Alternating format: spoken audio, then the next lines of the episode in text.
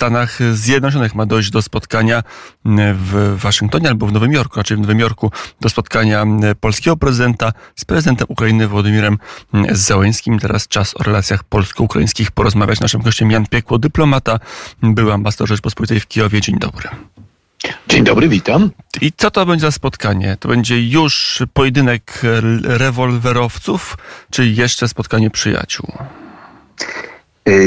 Ja sądzę, że to nie będzie ani pojedynek rewolwerowców, e, e, ani nie będzie to tylko spotkanie przyjaciół, to będzie spotkanie sojuszników, to będzie spotkanie ludzi, którzy rozumieją e, sytuację i rozumieją zagrożenie dla porządku globalnego ze strony Rosji.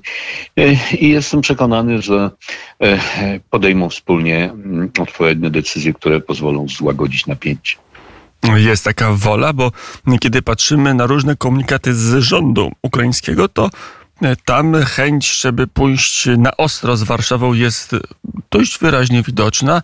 Do tej pory to pałac prezydencki ukraiński, to Władimir Załęski czasami wyraźnie, czasami mniej wyraźnie, ale starał się te nastroje tonować. Jak to wygląda na ukraińskiej scenie politycznej?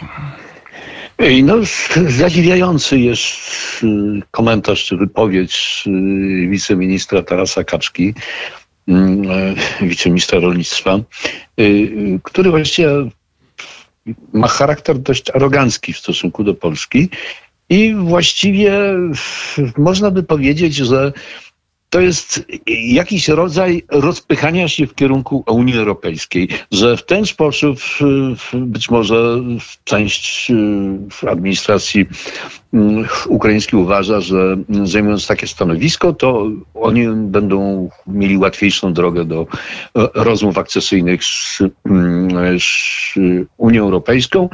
I to może w rezultacie dać oczekiwane rezultaty i być może skłoni również Niemcy do tego, żeby e, zgodziły się ofiarować e, rakietę Taurus mm, Ukrainie. Także tu kalkulacji można robić wiele. E, natomiast no, głos decydujący oczywiście zależy od prezydenta to jest prezydent Żeleński, ponieważ y, to jest ustrój, ustrój prezydencki i, i myślę, że, że prezydent Duda z prezydentem Żeleńskim znajdą wspólny język, tak jak znajdowali go do tej pory. No, ale można mówić, że w elicie ukraińskiej na szczytach władzy jest jakiś dwójgłos, są jakieś spory, czy to tylko jest mimikra, taktyka?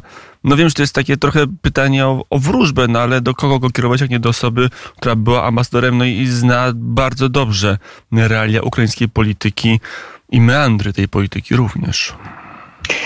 No to jest pewnie jakaś próba pokazania, mm, że my tu chcemy się orientować na Unię Europejską, chcemy być y, członkiem tej Unii Europejskiej. W związku z tym wykonujemy pewne działania, które się Berlinowi, y, w Paryżowi, Brukseli podobają. Nie podobają się natomiast Polsce. Już wiem z, ze swoich własnych źródeł, mm, od moich przyjaciół, że jest y, pewne niezadowolenie w kręgach politycznych z powodu mm, tej wypowiedzi wiceministra Kaczki i groźby w stosunku do Polski wszczęcia postępowania przed Światową Organizacją Handlu. E, I e, no jest tam krytyka.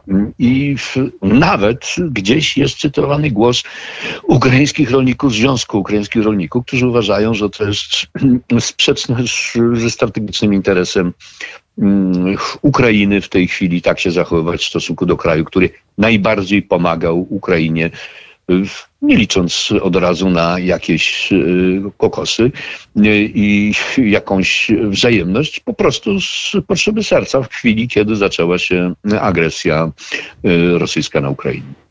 To może, jeżeli nie chodzi o politykę, jeżeli trudno to zrozumieć, w, w, takich warunkach, czy, czy w paradygmacie racji stanu państwa, które toczy wojnę, to może jest inne wyjaśnienie. Wyjaśnienie biznesowe, wyjaśnienie finansowe, wyjaśnienie korupcyjne. Myślę, że to jest przede wszystkim wyjaśnienie polityczne. O, to jest y, chęć pokazania kierunku, że Ukraina desperacko chce zacząć jak najszybciej rozmowy akcesyjne i że to będzie ogromny sukces. Tyle tylko, że chce to robić za wszelką cenę i za cenę również y, dobrych kontaktów e, z Polską i no nie tylko z Polską, bo tam chodzi również i o Słowację i i o Rumunię, i właściwie o Bułgarię, która się mm, e, zgodziła otworzyć rynek, ale zrobiła to niechętnie. Więc to jest problem unijny. To jest y, problem również Unii Europejskiej, która nie potrafiła tego tematu rozwiązać. Y, no, obiecując różne coraz bardziej mgliste pomysły na rozwiązanie tego problemu, nie rozwiązała nic, tylko zagmatwała to jeszcze bardziej. Więc e, tu mamy po prostu wielo, wielowątkowy scenariusz, gdzie mamy różnych graczy, którzy e, usiłują swoje rzeczy rozwiązać i załatwić.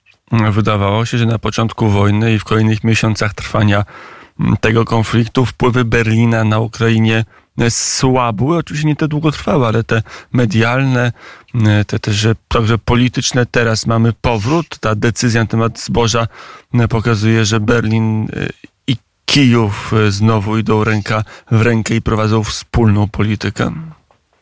No, zdumiewające jest oświadczenie jednego z polityków niemieckich o tym, że E, że Polska to taka jest wybiórcza, jak chodzi o solidarność z Ukrainą i kiedy jest im to wygodnie, to solidarna jest, a kiedy nie, no to wtedy nie jest solidarna. To jest wypowiedź absolutnie skandaliczna, ponieważ e, wiemy, co Niemcy zrobiły. Niemcy przede wszystkim stworzyły mechanizm korupcyjny w postaci Nord Stream 1 i Nord Stream 2. To jest korupcja polityczna na gigantyczną skalę. E, no i potem bardzo niechętnie pomagały Ukrainie na początku, więc to jest wypowiedź skandaliczna, która powoduje, że no musimy po prostu w tej kwestii nieco inaczej myśleć o, o naszym partnerze, który jakby nie był jest cały czas partnerem, ponieważ jest sojusznikiem Ukrainy w nieco innych kategoriach. Załatwia swoje własne interesy po prostu.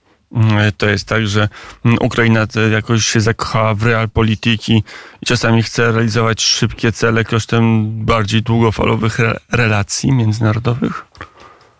No tak by to wyglądało w tej chwili z, mm, z tej perspektywy. No i, i nie jest wykluczone, że tam jeszcze gdzieś te rakiety dalekiego zasięgu Taurus e, są w, w, w tle, ponieważ Ukrainie bardzo zależy na tym, żeby je jak najszybciej dostać ale tutaj znacznie większą siłę oddziaływania mają Amerykanie niż, niż Ukraina w tej kwestii. I Amerykanie, zdaje się, próbują w tej chwili uzyskać większe zaangażowanie Berlina w pomoc wojskową, pomoc wojskową, nie humanitarną, tylko wojskową Ukrainie. Mm, to już na koniec pojawiły się także komentarze, że to jest rozgrywka nieoddzielona w pełni od polskiego kalendarza politycznego, że rząd w Kijowie uznał, że łatwiej mu będzie rozmawiać, łatwiej mu będzie e, pewne rzeczy przeprowadzać z inną ekipą niż ekipa Prawa i Sprawiedliwości i stąd e, taki nacisk i stąd e, albo stąd też nacisk na, na Brukselę, żeby znieść embargo, no i potem, żeby to, to egzekwować do końca, ten, to zniesienie embarga. No, takie, takie uzasadnienie jest oczywiście też możliwe. Rzeczywiście mamy w Polsce mm, wybory, tyle tylko, że efekt tej decyzji ukraińskiej może być taki, że to będzie więcej głosów dla, dla PiSu i niestety być może też dla Konfederacji. Mm, I taki będzie tego efekt odwrotny od być może zamierzonego mm, efektu politycznego, o czym mówił Jan Piekło. Był ambasador Polski w Kijowie. Dziękuję bardzo za rozmowę. Dziękuję również.